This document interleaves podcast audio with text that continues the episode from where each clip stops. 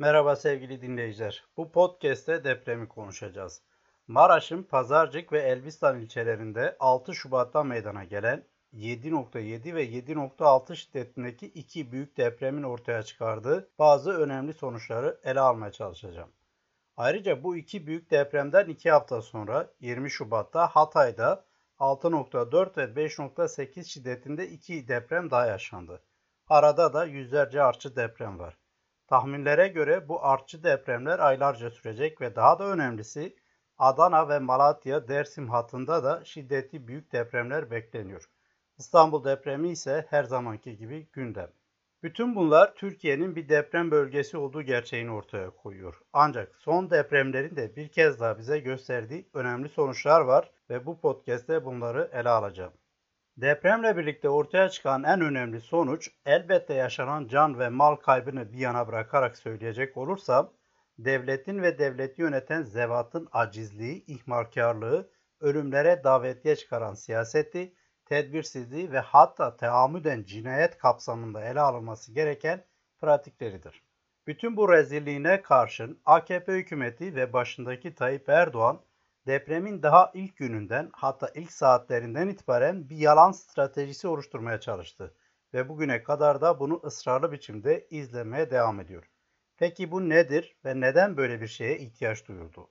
En başta şunu söylemek lazım. Depremin ortaya çıkardığı vahim tablodan ülkeyi yönetenler sorumludur. Ve bu durumda birinci dereceden olup bitenlerin sorumlusu 21 yıldır Türkiye'yi yöneten AKP ve başındaki Tayyip Erdoğan'dır. Erdoğan sorumluluktan kaçmak, hesap vermemek ve bununla birlikte her türlü baskı mekanizmasıyla oluşturduğu sistemini devam ettirebilmek için depremin ortaya çıkardığı vahip tabloyu başka türlü göstermeyi amaçlayan bir strateji izlemeyi tercih etti. Erdoğan ve tayfasının depremin daha ilk saatlerinden itibaren bir yalan stratejisine başvurmalar nedeni budur. Bu stratejiyi ortaya koyabilmek için bazı başlıkları verilerle açıklamaya çalışacağım.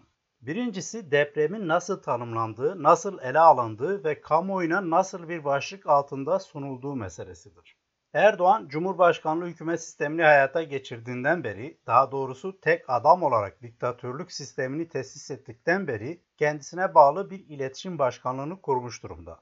Ankara'nın göbeğinde büyük bir bina bu iletişim başkanlığı için tahsis edildi. Bu başkanlığın bütün mesaisi AKP ve Erdoğan'ın ne kadar büyük olduğunu, yapıp ettiği her şeyin ne kadar muazzam olduğunu, böylece Erdoğan'ın nasıl bir asrın lideri olduğunu propaganda etmektir. Daha özetle söyleyecek olursam Erdoğan'ın borazanları, propagandacıları bu iletişim başkanlığı bünyesinde toplanmış durumda. Aslında Türkiye'deki medyanın %90'ından fazlasını zaten Erdoğan kontrol ediyor. Buna rağmen neden böyle bir başkanlığa ihtiyaç duydu diye sorulabilir. Erdoğan için bütün medyayı kontrol altına almak yeterli değildi. Aynı zamanda kontrolün merkezi olması da önemliydi. Bu iletişim başkanlığının birinci görevi de zaten bu. Yani kontrol altına alınmış olan medyayı tek merkezden yönetmek. Elbette bu tek merkezin talimatlarını da tek adam olarak Erdoğan veriyor. Neyin nasıl yapılacağını da Erdoğan veriliyor. Yani bu iletişim başkanlığı sadece Erdoğan'ın faaliyetlerini propaganda etmekle yükümlü değil bu propagandanın medyada, kamuoyunda nasıl işleneceği, kimin nasıl bir role sahip olması gerektiği vesaire de bu iletişim başkanlığının sorumlulukları arasında yer alıyor. Deprem döneminde de Erdoğan'ın ilk işi bu iletişim başkanlığı aracılığıyla bir strateji oluşturmak oldu. Bazı iddialara göre 6 Şubat'ta Pazarcık'ta gece saat 4 civarında meydana gelen deprem sırasında Erdoğan bin odalı sarayında sıcak yatağında uyuyordu ve kimse beyefendi uyandırmayı göze alamamıştı. Diktatörün uykusu deprem sırasında can çekişen on binlerce kişinin çektiği eziyetten daha önemliydi tabi. Dolayısıyla depremin ilk anından itibaren hükümet yeterli tepki verememişti, organize olamamıştı. Bu yüzden daha ilk günden başlayan ve ardından devam eden keşmekeşlik, organizasyonsuzluk vesaire de biraz da Erdoğan'ın tatlı uykusuyla ilgilidir. Her şeyin iki dudağı arasına çıkacak kelimeye bağlı olduğu tek adam rejimi olunca ve tek adam da uykusundan uyandırılmayınca kimse de inisiyatif falan da alamamıştı. Doğrusu alsa ne olacaktı ki sırasıyla bahsedeceğim gibi aslında hiçbir şey olmayacaktı. Çünkü doğru düzgün hiçbir hazırlıkları falan yoktu. Bu yüzden bir yalan stratejisi kurma gereği duydurar. Sözünü ettiğim Erdoğan'ın uykusuyla ilgili iddialar bir yanıyla doğru olabilir. Ancak bana sorarsanız olay biraz farklı. Şunu söyleyerek başlayayım. AKP döneminde kurulan ve bu deprem sırasında bolca tartışılan, eleştirilen bir kurum var. Hatta en fazla hedefe konulan kurumların başında gelir. AFAD'dan söz ediyorum. AFAD'ın bir sorumluluğu şu. Deprem ve benzeri afet durumlarında olayın yaşanmasının hemen ardından en geç 45 dakika içinde neyin ne olduğunu ve ne yapılması gerektiğini içeren bir rapor hazırlamaktır. AFAD'ın önemli görevlerinden biri bu. Ve bu deprem sırasında da AFAD'ın böyle bir raporu olaydan hemen sonraki bir saat içinde hükümete sunduğunu biliyoruz. Yani depremin şiddetini, nereleri etkilediğini, olası sonuçlarını falan içeren bir rapor sundu. Nitekim yaklaşık 2 saatin ardından İçişleri Bakanı Süleyman Soylu bu rapordan hareketle uluslararası yardım çağrısını da içeren acil durum açıklaması yaptı. Yani daha ilk andan itibaren hükümet neyin ne olduğunu biliyordu. Bu arada Erdoğan'ın uyandırılıp uyandırılmadığı konusundan bağımsız olarak bunu söylüyorum. Erdoğan daha sonra uyandırılıp bilgilendirilmiş olabilir. Ancak başta İçişleri Bakanlığı olmak üzere harekete geçmesi gereken bütün bakanlıklar ve kurumlar daha olayın ilk anından itibaren neyin ne olduğunu biliyorlardı. Peki gerçeği bilmelerine rağmen ne yaptılar? Elbette depremin ardından ortaya çıktığı ve herkesin görebildiği gibi doğru dürüst hiçbir şey yapmadılar. AFAD deprem bölgelerine zamanda ulaşmadı, geç ulaştı, yardımlar ulaştırılmadı, insanlar kaderleriyle baş başa bırakıldı. Büyük kent merkezlerine saatler hatta bazılarına bir iki gün sonra ulaşan AFAD ekipleri pek çok ilçeye ve köye günler sonra ulaşabildi.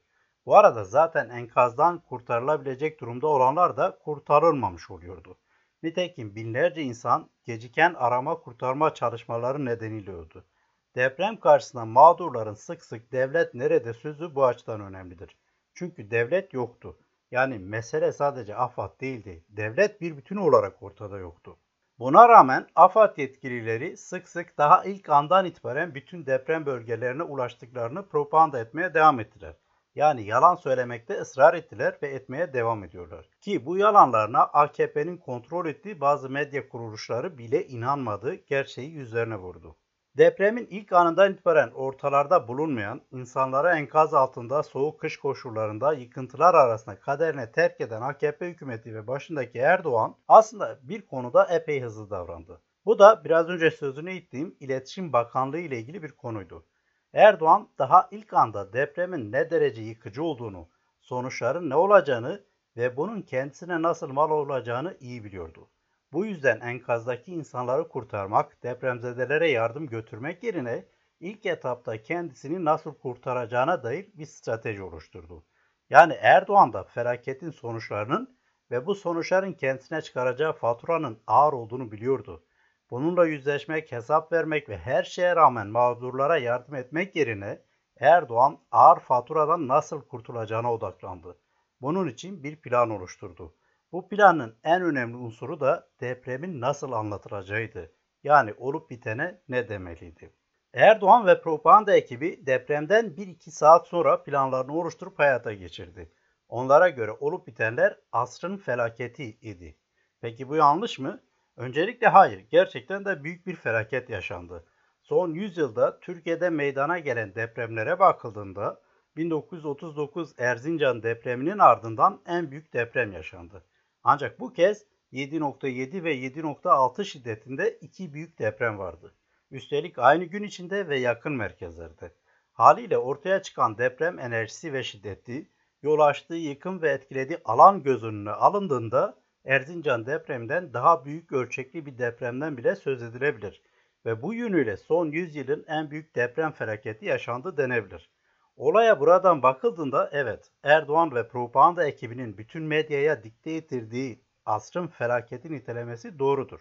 Ancak burada önemli bir husus var. Daha doğrusu cinlik var. Zaten Erdoğan ve ekibi gerçekleri çarpıtmak ya da ters yüz etmek, gerçeklerin içini boşaltmak ve kendilerine göre hakikati eğip bükmek konusunda epey maharetli ve deneyimliler. Bu kez de bunu yaptılar. Son 100 yılın en büyük felaketini asrın felaketi olarak propaganda ederlerken aslında şunu yaptılar.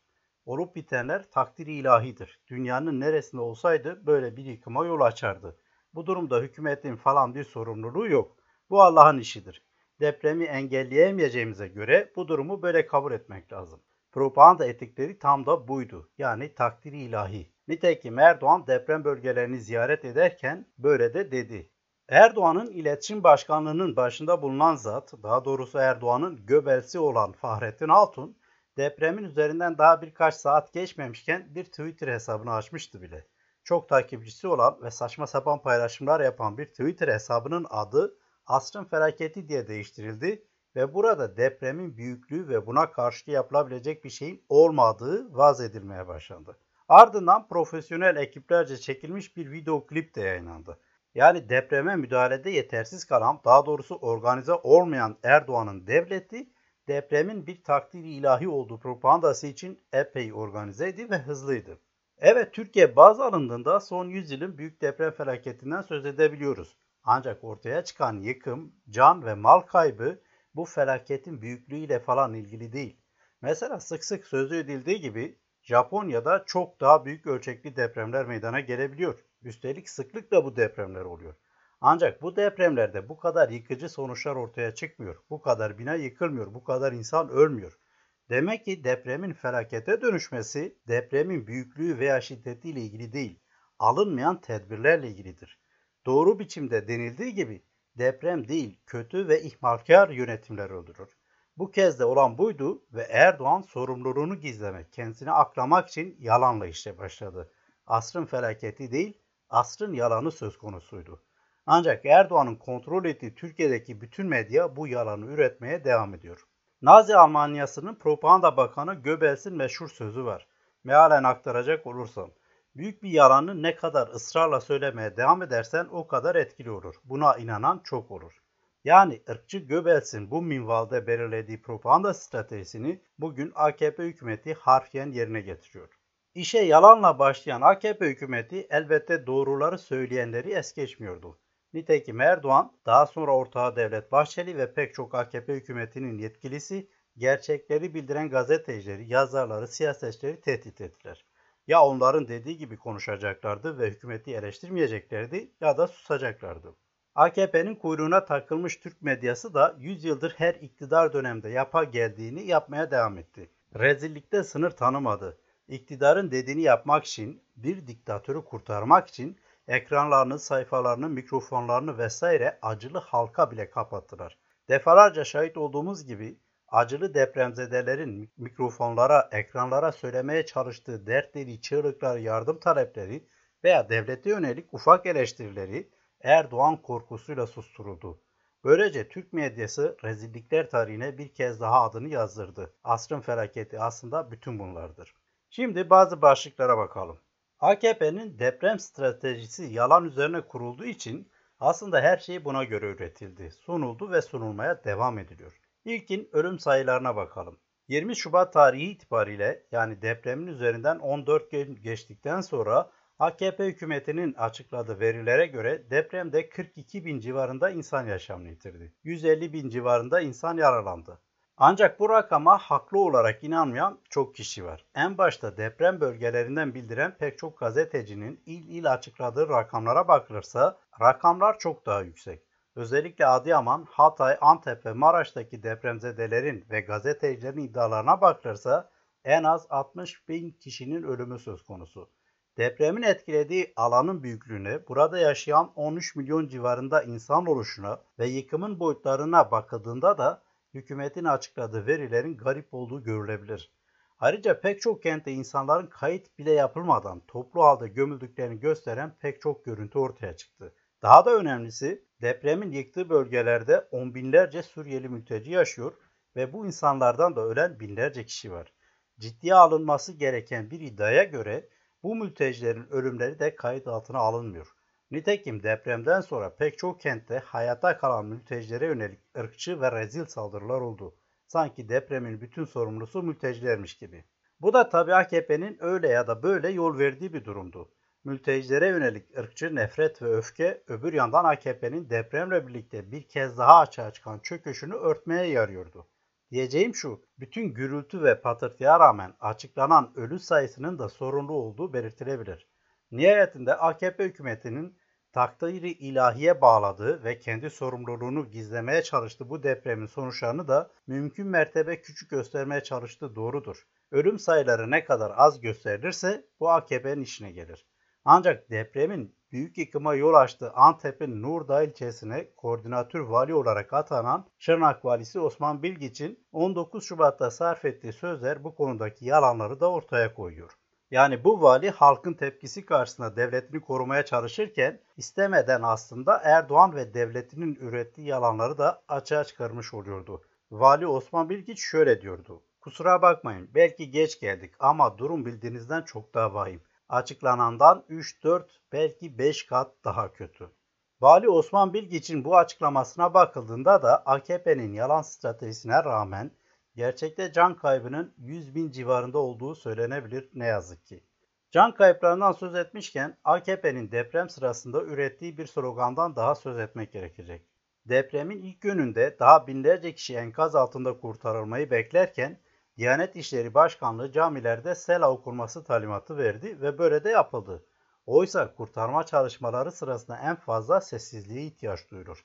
Bunu göz ardı ettikleri gibi enkaz altında can çekişen ve kurtarılmayı bekleyen binlerce insana ölü serası okutular. Bu derece insanlıktan çıktılar. Zira dertleri insanları kurtarmak değildi. Zaten bunun için özellikle depremin ilk 3 gününde ciddi bir şey de yapmadılar. Arama kurtarma çalışmalarında rezalet yaşandı.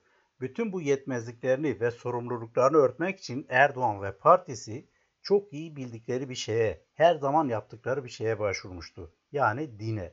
Bu acılı durumda bile dini siyasetlerini alet etmekten geri durmadılar. Din ve dindarlık üzerinden insanların tepkilerini susturmaya kalkıştılar. Nitekim arama kurtarma ve sözüm ona yardım dağıtma çalışmaları sırasında da sık sık Allahu Ekber sloganları attılar. Gören de bunların cenge gittiğini sanacaktı.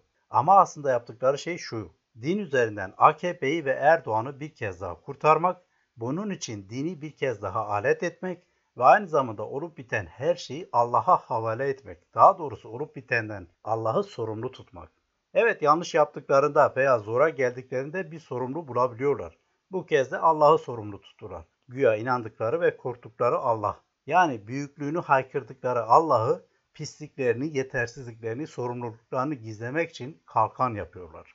Başından beri belirttiğim gibi olup bitenlerin sorumlusu Türkiye'yi 21 yıldır yöneten AKP ve başındaki Erdoğan'dır. Ancak onlar sorumluluklarını gizlemek için her şeyi yapıyorlar. Şimdi bir başka başlığa bakalım. 20 Şubat tarihi itibariyle Adalet Bakanlığı'nın açıkladığı verilere göre 432 kişi deprem nedeniyle gözaltına alındı. Yani binaların yıkılmasından sorumlu tutulan bu kişiler gözaltına alındılar. Bu 432 kişiden 131'i tutuklandı. 127'si hakkında adli kontrol kararı verildi. 57'si hakkında gözaltı kararı var.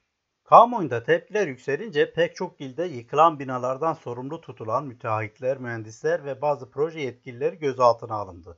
Aktardığım rakamlar da bunlarla ilgili. Peki bu müteahhitlere yapı izni veya ruhsatı veren belediyeler, bürokratlar nerede? Bu müteahhitlerin ilişkili olduğu siyasetçiler nerede? Bu müteahhitlerin yaptığı bozuk ve sorunlu yapılara af çıkaran, imar ve kullanım izni veren siyasetçiler nerede? Bütün bu rezalete rağmen hiçbir tedbir almayan, müteahhitlere arka çıkmaya devam eden, ülkeyi inşaat sektörüyle ayağa kaldırdığını belirtip gurur duyan siyasetçiler nerede? Bunların hiçbirine dokunulmadı elbette. Yine çok göze çarpan bazı kişiler gözaltına alındı, tutuklandı. Daha önceki deneyimlere bakılırsa muhtemelen bunlar hakkında da bir süre sonra doğru dürüst bir işlem yapılmayacak. Örneğin 1999 Marmara depreminden sonra ne oldu? Meşhur bir Veli Göçer vardı. Onun hakkında bir süreliğine tutuklama kararı verilmişti. Ki 1-2 yıl gibiydi bu da. Sonra serbest bırakıldı. Başka çarpıcı bir örnek vereyim. Hamza Cebeci ve Fahri Çakır diye iki adam var. Kendileri müteahhit. Marmara depremden birkaç ay sonra meydana gelen ve benzer şekilde yıkıcı olan Düzce depremini hatırlıyorsunuzdur. Bu deprem sırasında Hamza Cebeci ile Fahri Çakır'ın yaptırdığı ışık apartmanı çökmüş ve 20 kişi yaşamını yitirmişti. Güya bu iki isim yargılanmış ve ceza da almışlardı. Daha doğrusu bunlardan biri yargılanmıştı. Yani meşhur Veli Göçer gibi aslında ödüllü cezalara çarptırılmışlardı. Ancak bu ikilinin en büyük ödülü AKP tarafına verilecekti. Sözünü etti müteahhitlerden Hamza Cebeci 2004 yılına gelindiğinde AKP tarafından İstanbul Büyükşehir Belediyesi İmar Komisyonu'na üye yapıldı. Yani ciğeri kediye teslim ettiler. 2015'te ise bu zat Darül Aceze'ye başkan olarak atandı. Mayıs 2020'de de Erdoğan'ın baş danışmanı olarak saraydaki yerini aldı. CBC'nin ortağı Fahri Çakır ise yaptığı binanın insanlara mezar olduğu Düzce depreminin ardından MHP'den siyasete atıldı. O zaman MHP iktidar ortağıydı. İşini sağlama almayı bilen müteahhitlerden biriydi bu zat. 2003'e gelindiğinde ise Çakır bu kez AKP'den Düzce milletvekili olarak seçildi. Yani insanlara mezar olan binanın yıkıldığı il onu vekil olarak seçmişti. İbretlik bir durum doğrusu. Dokunulmazlığı olduğu için yıkılan binadan dolayı da yargılanmadı bu arada. Siyasetin onu koruyacağını daha en başından beri biliyordu Çakır diğer bütün müteahhitler gibi. En son 2018'de bir kez daha AKP'nin milletvekili olarak meclise geldi ve hala Düzce'nin vekili koltuğunda oturuyor. Yakın tarihli bir örnekten de söz etmek gerekirse. Mesela 2003 yılında Bingöl'de 6.4 şiddetinde bir deprem olmuştu. İl genelinde 176 kişi hayatını kaybetmişti. Bunlardan 80'den fazlası öğrenciydi. Çünkü yatılı okul binası yıkılmıştı. Yusuf Korkmaz adındaki zatın yaptığı binada ise 37 kişi can vermişti. Bu zat yani Yusuf Korkmaz Erdoğan'ın yakın adamlarından biri. Buna dokunuldu mu peki? Hayır. Azıcık bir hapis cezası verildi. O da çerezlik para cezasına çevrildi ve bu zat hala AKP'nin gözde müteahhitlerinden biri.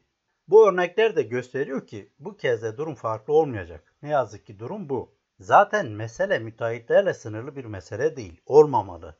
En başta da siyasetçiler hesap vermeli. Bu müteahhitlere yol veren ve bu bozuk düzeni kuran siyasetçiler hesap vermeli. Ama gelin görün ki hesap vermek bir yana istifa eden bir tek Allah'ın kulu bile olmadı. Aksine AKP anlattığım gibi imajını kurtarmak ve Erdoğan'ın düzenini sürdürmek için depremin ilk saatinden itibaren bir yalan stratejisi kurdu. Erdoğan'ın bizzat söylediği en büyük yalanlardan biri de yıkılan, hasar gören binalarla ilgiliydi. Erdoğan depremde on binlerce insana mezar olan binaların ve aynı zamanda hasar görmüş olanların %98'inin kendilerinden önce yapıldığını söyledi. Yani Erdoğan'a göre depremin vurduğu binaların %98'i 2000 yılından öncesine aitti.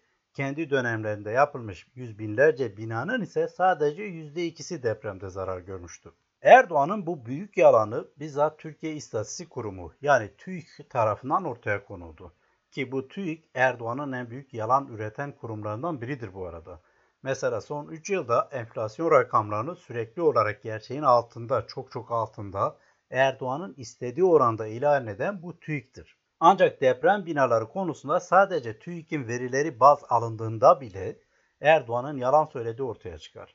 Çünkü TÜİK'e göre örneğin Urfa'da depremin yıktığı binaların %24'ü 2000 öncesi iken %61'i 2000 sonrasıydı.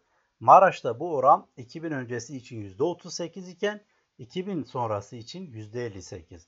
Hatay'da depremin vurduğu binaların %45'i 2000 öncesi iken %50'si 2000 sonrasıydı. Diğer iller için de benzer oranlardan söz etmek mümkün. Sonuç olarak TÜİK verilerine göre depremin vurduğu binaların ortalama %60'ı AKP döneminde inşa edilmişti. Kaldı ki velev ki binalar eski olsun, velev ki Erdoğan doğru söylesin. Peki 21 yıldır Türkiye yöneten kim? Evet Erdoğan'ın ta kendisi. Peki neden eski binaları kontrol etmedi? Neden bu binaların depreme uygunluğunu tespit edip gereğini yapmadı? Neden göz göre göre insanların ölümüne yol açtı? Ayrıca depremin yıktığı illerde yerel yönetimleri elinde bulunduranlar kim? Maraş mesela.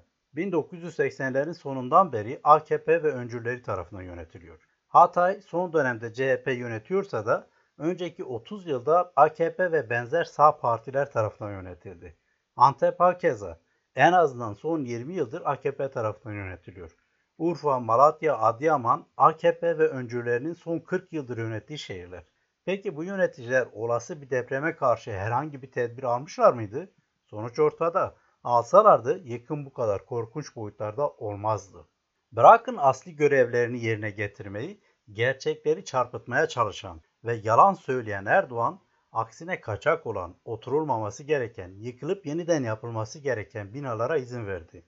Nitekim Erdoğan döneminde 11 kez imar affı ya da imar barışı ilan edildi. Kaçak olan deprem riski veya başka nedenlerle oturulmaması gereken binalara Erdoğan imar affı yasalarıyla ruhsat verdi. Sadece 2018'de AKP ve ortağı MHP ile bu arada CHP'nin de ortak kararıyla, oylarıyla yasallaştırılan imar affı kapsamında 6 milyon civarında binaya ruhsat verildi. Depremin vurduğu 10 ilde kaçak, ruhsatsız ve riskli olduğu halde imar affından faydalandırılan bina sayısı ise 294.165 idi. Erdoğan bu imar affı sonrasında Maraş, Malatya, Hatay ve Adana'da yaptığı mitinglerde bu rakamları gururla dile getiriyordu. Bunu bir hizmet ve başarı olarak propaganda ediyordu. Peki şimdi yıkılan bu binalar ve ölen insanlar kimin sorumluluğunda oluyor? Tabii ki Erdoğan'ın. Ama o ne yapıyor? Gerçeklere rağmen aksini söylemekte, yalan üzerinden başarı hikayeleri üretmekte ısrar ediyor. Üstelik depremin yıkımı da ortadayken Erdoğan ve propaganda ekibi sanki uzaylılar olup bitenlerden sorumluymuş da Erdoğan da gelip rezaleti temizleyen kurtarıcıymış gibi propaganda üretiyor. Ki bu arada gerçekten de AKP'liler olup bitenlerden uzaylıları veya uzaydan gönderilen cisimleri sorumlu da tuttular. Mesela Erdoğan'ın büyük bir yatırım olarak açıkladığı Uzay Çalışmaları Başkanlığı diye bir kurum var. Erdoğan 2023'ten yani bu yıldan itibaren uzaya hatta aya gidiş çalışmalarına start vereceklerini söyleyerek bu kurumu açmıştı. İşte bu kurumun başındaki zat depremde birkaç gün sonra uzaydan gönderilen 8-10 metre yüksekliğindeki titanyum alaşımlı direklerin yere nüfuz etmek suretiyle depremin meydana geldiğini ileri sürmüştü. AKP yandaşları Erdoğan'ın sorumluluğunu gizlemek için her türlü yalana ve komplo teorisine başvurmuşlardı. Hala da başvuruyorlar. Ancak muhtemelen hiçbiri bu uzay çalışmalarının başında bulunan zat kadar yaratıcı olamamıştı. Tekrar yıkılan binalarla ilgili verilere dönecek olursan, Erdoğan'a göre %98'i kendisinden önce yapılmıştı ki bu kocaman bir yalan. Erdoğan ve kafaları bomboş işlere çalışan ekibine göre yıkılan binaların bir önemi yok. Zaten AKP döneminde yapılmamışlardı. Buna karşın bir başka yalanı daha devreye koyarak dikkatleri başka bir yere çekiyorlar. Yani yıkılmayan binalara.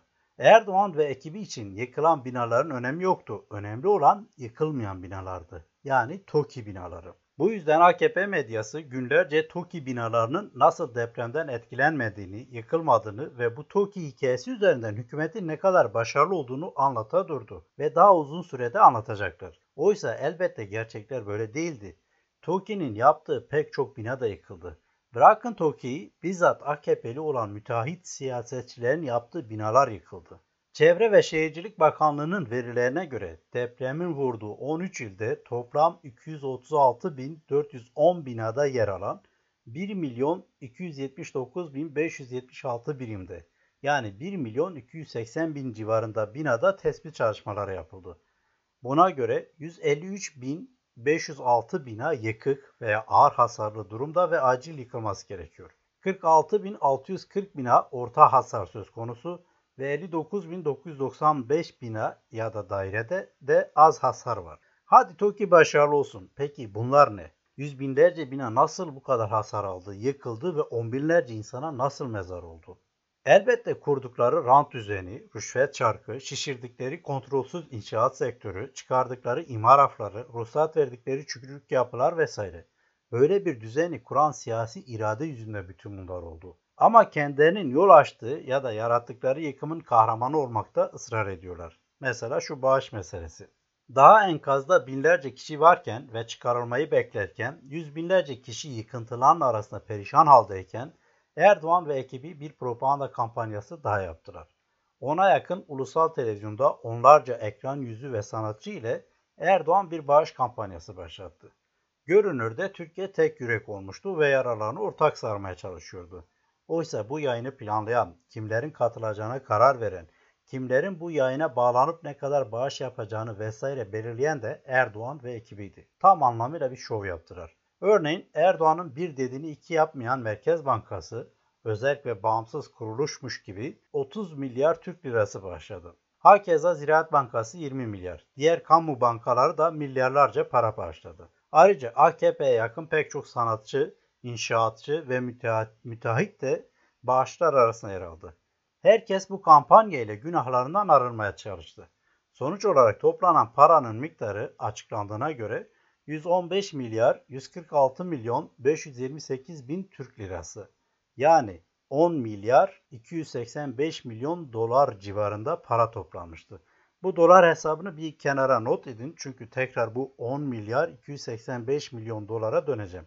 Yapılan bağışlara bakıldığında bir kamu kurumundan diğerine bağış yapıldığı görülüyor ki bu bir garabet. Kamu zaten bu parayı kullanabiliyordu. Üstelik bütün bu kurumlar Erdoğan'a bağlıydı. Erdoğan bir cepteki parayı diğer cebe koydu ve bunu da kamuoyuna büyük bir fedakarlık ve bağış olarak sundu.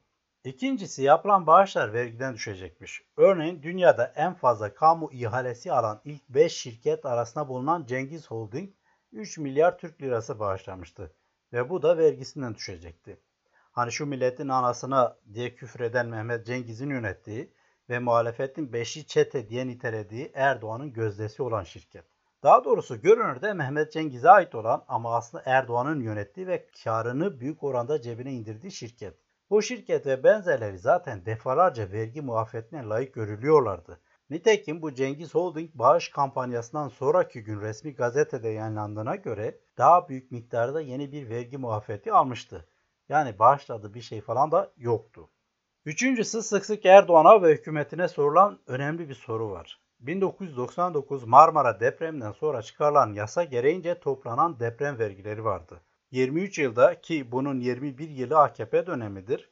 23 yılda 87 milyar 998 milyon Türk parası deprem vergisi olarak toplandı. Merkez Bankası'nın dönemsel kur hesabına vurulduğunda ise 38 milyar 196 milyon 739 dolardan söz ediyoruz.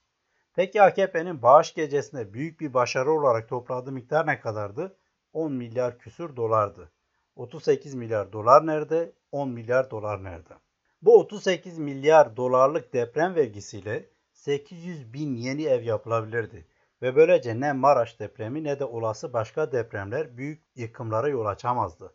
Ama yok bu para ortada yok. Evet toplanan 38 milyar dolarlık deprem vergisi ortada yok. Sık sık sorulunca bir ara AKP'nin ekonomi bakanlarından olan Mehmet Şimşek bu paranın duble yollara falan harcandığını son derece lakayt biçimde açıklamıştı.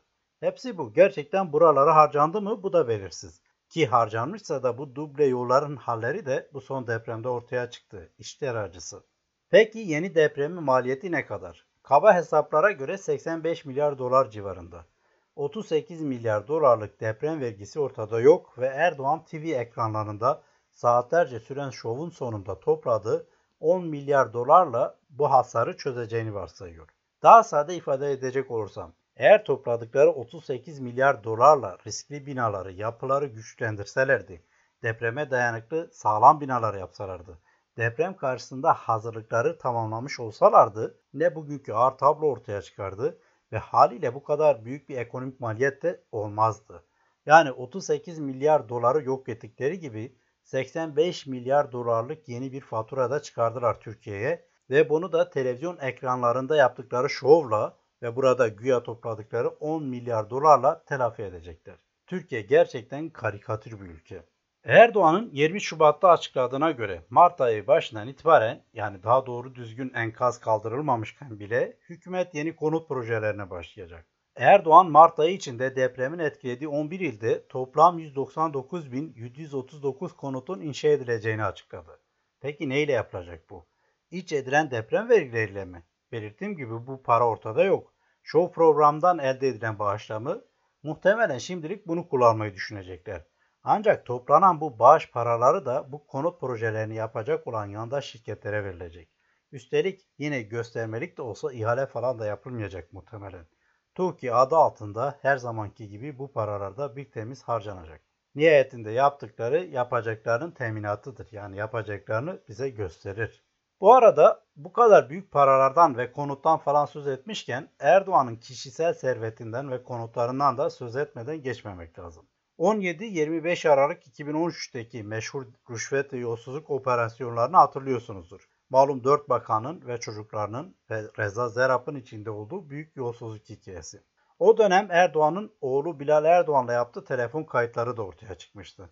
Erdoğan montaj falan demişti ama tamamen doğruydu. Bu konuşmalar gerçekti. Bu konuşmaların birinde Erdoğan oğluna parayı sıfırlamasını söylüyor. Sözünü ettiği ne kadar paraydı hatırlıyor musunuz? 1 milyar avro. Ki Erdoğan ve çocukların kurduğu düzen sayesinde bunların servetinin haddi hesabı yok. Bu servetin önemli bir kısmı da inşaat sektöründen geliyor. İşte daha önce sözünü ettiğim Cengiz Holding falan aracılığıyla kamu ihalelerinden Erdoğan'ın kasasına akan bir servet var. Tabi bu deprem zamanında kimse bundan söz etmiyor. Ayrıca depremzedeler günlerce başlarını sokacak bir yer arıyorlardı. Sadece deprem değil bir de ağır kış koşulları vardı. Büyük bir dayanışma ortaya çıktı. Pek çok kişi farklı illerde depremzedelerde evlerini falan açtı. Peki Erdoğan? Tabii ki hayır. Deprem olmuş, kıyamet kopmuş ama Erdoğan bin odalı sarayında tatlı uykusundaydı ve kimse uyandırmaya kıyamamıştı beyefendi. Bu sarayı da kimseye açmadı. Hani lafa gelince milletin sarayıydı falan diyor ya. Tabii ki laf bunlar. Ayrıca bunlar haricinde Erdoğan'ın İstanbul Kısıklı'da 5, yine İstanbul Çatalca'da 5, Urla'da da 5 olmak üzere 15 kişisel villası var. Bakın öyle daire falan değil bunlar, villa. Bunları halka açtı mı? Hayır. Üstelik bunların neredeyse tamamı kapalı, boş duruyor. Bir de herkese küfür ve hakaret yağdıran Erdoğan'ın ortağı Devlet Bahçeli var. Milletvekili seçildiği ve memleketi olan Osmaniye'de Bahçeli'nin de bir devlet konağı var. Bu konak depremden etkilenmedi. Ne de olsa kendileri için sağlam yapıyorlar. Ama çevresindeki pek çok bina yerle bir olmuştu. Bahçeli'de boş olan bu konutu depremzedelere açmadığı gibi tuvalet için kullanmak isteyen depremzede kadınlara bile izin verilmedi. Böyle de reziller işte. Para toplama işinden söz etmişken yine bir affet zamanında Kızılay'da para toplama işine girişti. Nerede ne zaman bir şey olsa artık bir klasiğe döndü bu. Kızılay hemen bir kod paylaşıyor ve telefon mesajları aracılığıyla para toplamaya başlıyor. Deprem zamanında diğer bütün devlet kurumları gibi ortalıkta görünmeyen Haluk Levent'in başında bulunduğu Ahbap Derneği kadar bile depremzedelere yardım götüremeyen bu sözüm ona köklü devlet kurumu yine milletten para dilenmeye başladı. Normalde bütçesi var, her yerde şubeleri var, her türlü afet durumuna göre hazırlıklı olmalıydı. Anında sahaya inip her türlü yardımı yapabilmeliydi. Ama yoktu. Kızılay da ortada yoktu. Sonraları da AKP medyası aracılığıyla ne kadar konforlu çadırlar dağıttığını propaganda etti. Öyle ki rezillikte sınır tanımadılar. Örneğin A Haber'in Pespae haberine göre Kızılay antresi de bulunan 2 artı 1 çadırlar dağıtmış. Depremzedeler de bundan çok memnunmuş.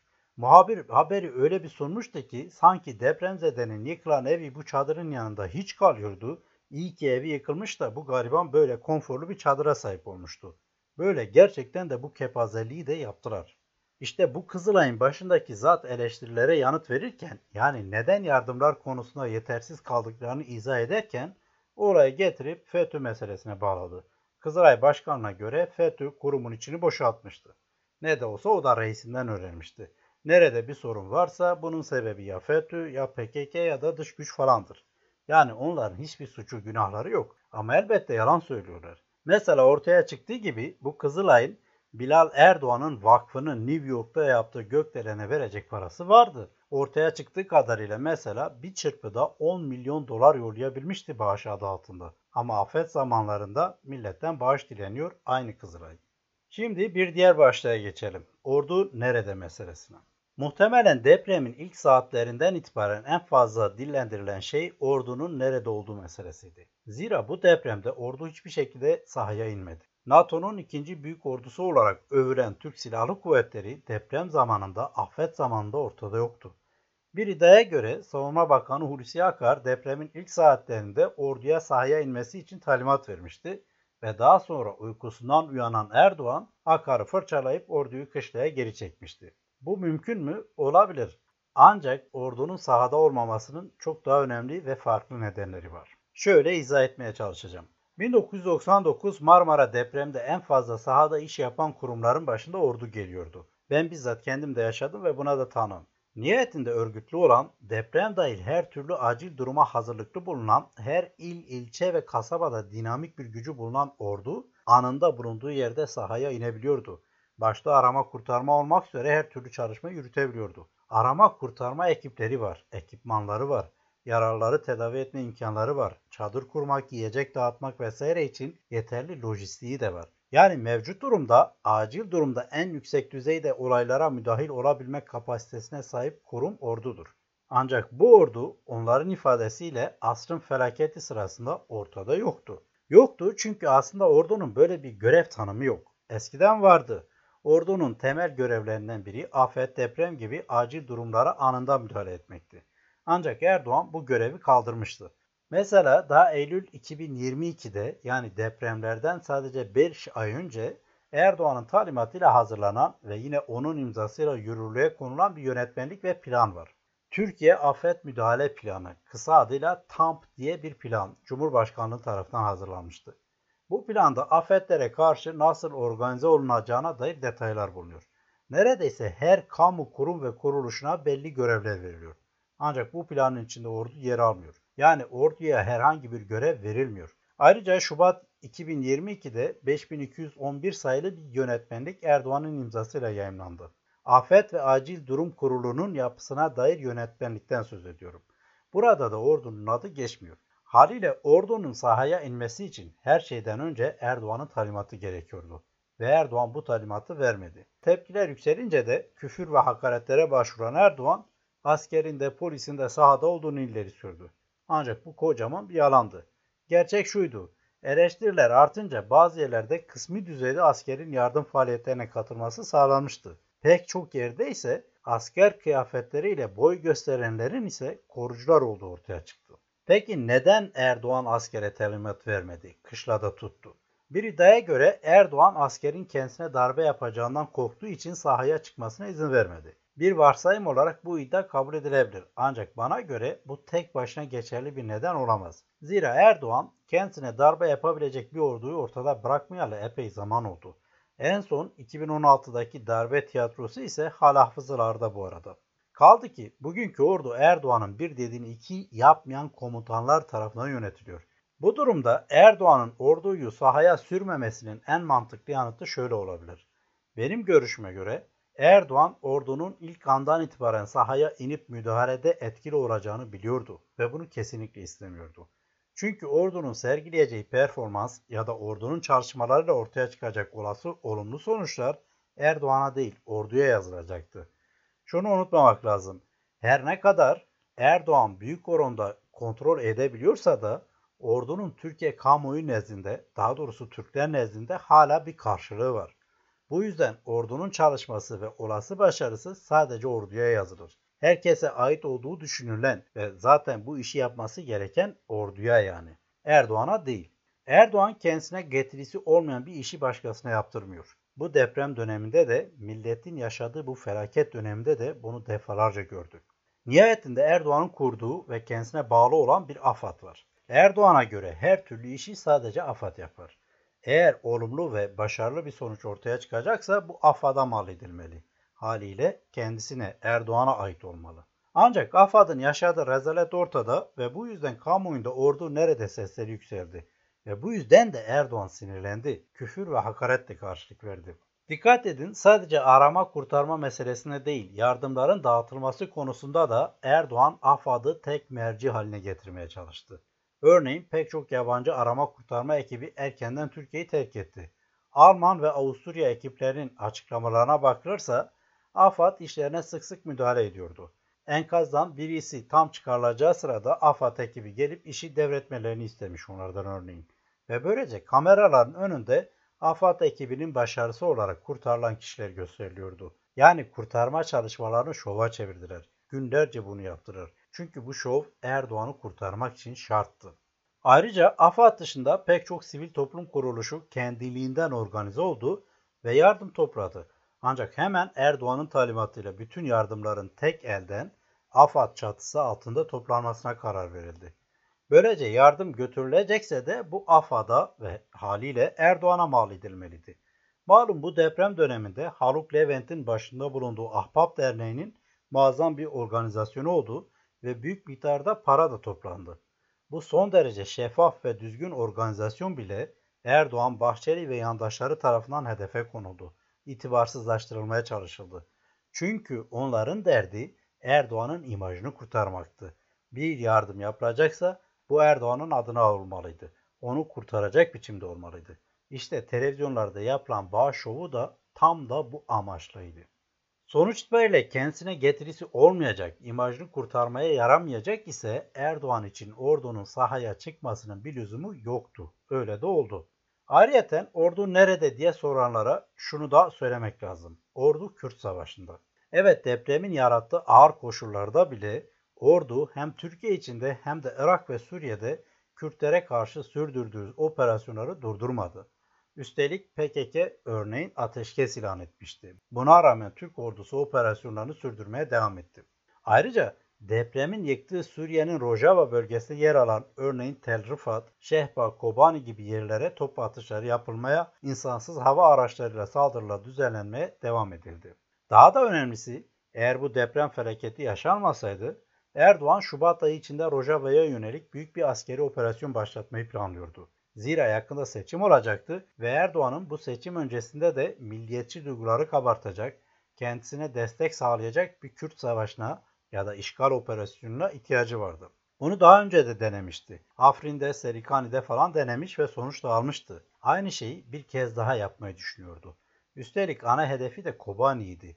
Kürtler için büyük bir anlamı olan bu kenti seçim öncesinde ele geçirerek daha doğrusu 2014'te desteklediği IŞİD terör örgütünün başaramadığını bu kez başararak büyük bir koz elde etmek istiyordu Erdoğan. Bu amaçla Urfa, Antep, Mardin, Kilis ve Hatay'da ciddi askeri yanak yapmıştı. On binlerce asker sözünü ettiğim sınır hattındaki illerde konuşlu durumda. Olası bir işgal saldırısı için bu askerlerin yiyecek, barınma, sağlık ihtiyaçları için de önemli bir lojistik stoklanmıştı. Yani deprem sırasında bu askerler ve bunlar için hazırda tutulan malzemeler, ekipmanlar bile deprem bölgelerine sevk edilseydi epey işe yarayacaktı. Ancak yapmadılar. Onlar olası bir Kürt savaşı için hazırda tutulmaya devam ediliyor. Görünen o ki deprem Erdoğan'ın Rojava'ya yönelik işgal planını şimdilik askıya almasına neden oldu. Ancak şimdilik diyorum bunun hiçbir zaman olmayacağını ileri sürmek elbette imkansız. Eğer kendisine örneğin önümüzdeki seçimde getirisi olacağını hala hesaplıyorsa Erdoğan böyle bir operasyonu öyle ya da böyle yapacak. İşte deprem sahasında aranıp da bulunmayan ordu Erdoğan'ın geleceğini kurtarmaya odaklı bu büyük amaç için hazırda tutuluyor. Bir diğer başlık da OHAL mevzusu. Deprem döneminde neredeyse hiç konuşulmayan ya da az konuşulup geçilen bir konu da olağanüstü halin ilan edilmesiydi. Normal şartlarda Erdoğan o hali değil de depremin yıktığı illeri afet bölgesi ilan edebilirdi ama yapmadı. Yasaya göre o hal deprem gibi doğal afet durumlarına da ilan edilebiliyor. Bu doğru. Ancak Erdoğan'ın o hali ilan ederkenki amacı yasanın belirlediğinden çok daha farklı. Bunu öncelikle görmek gerekiyor. O halin ilanı her şeyden önce Erdoğan'a her şeyi tek elde kontrol etme etkisi veriyor. Erdoğan bu yetkiyi 2016'daki darbe girişiminden sonra yıllarca kullandı ve bu arada 2018'deki örneğin seçimleri de bu baskı mekanizması sayesinde sorunsuz atlattı. Şimdi de o hal yetkileriyle kendisine yönelik eleştirileri bertaraf etmeye, basını en ufak eleştiriyi dahi yapamayacak biçimde susturmaya, muhalefeti tehdit etmeye çalışıyor. O hali ilan ederken ki meramı da tam olarak buydu.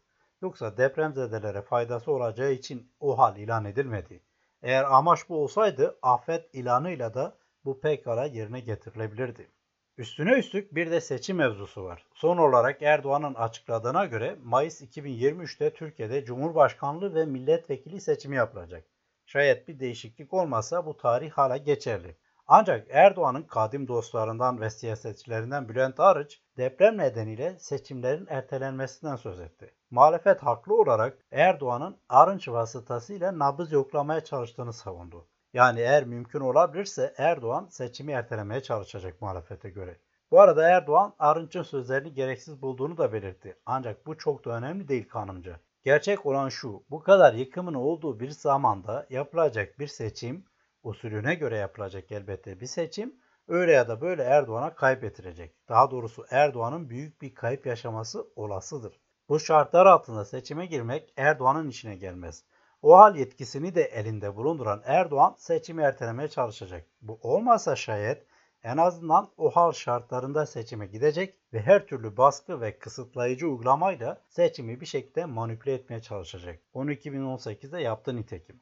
Tarihsel bir ironi yaşanıyor aslında. Erdoğan'ın 2001'de kurduğu AKP, Türkiye'de yaşanan büyük bir ekonomik krizin ve Marmara depreminin ardından iktidara gelmişti. Ve yine ağır bir ekonomik kriz ve deprem felaketi koşullarında seçim olacak. Muhalefete göre deprem ve ekonomik krizle iktidara gelen Erdoğan yine deprem ve ekonomik krize gidecek. Peki bu mümkün mü? Normal şartlarda evet.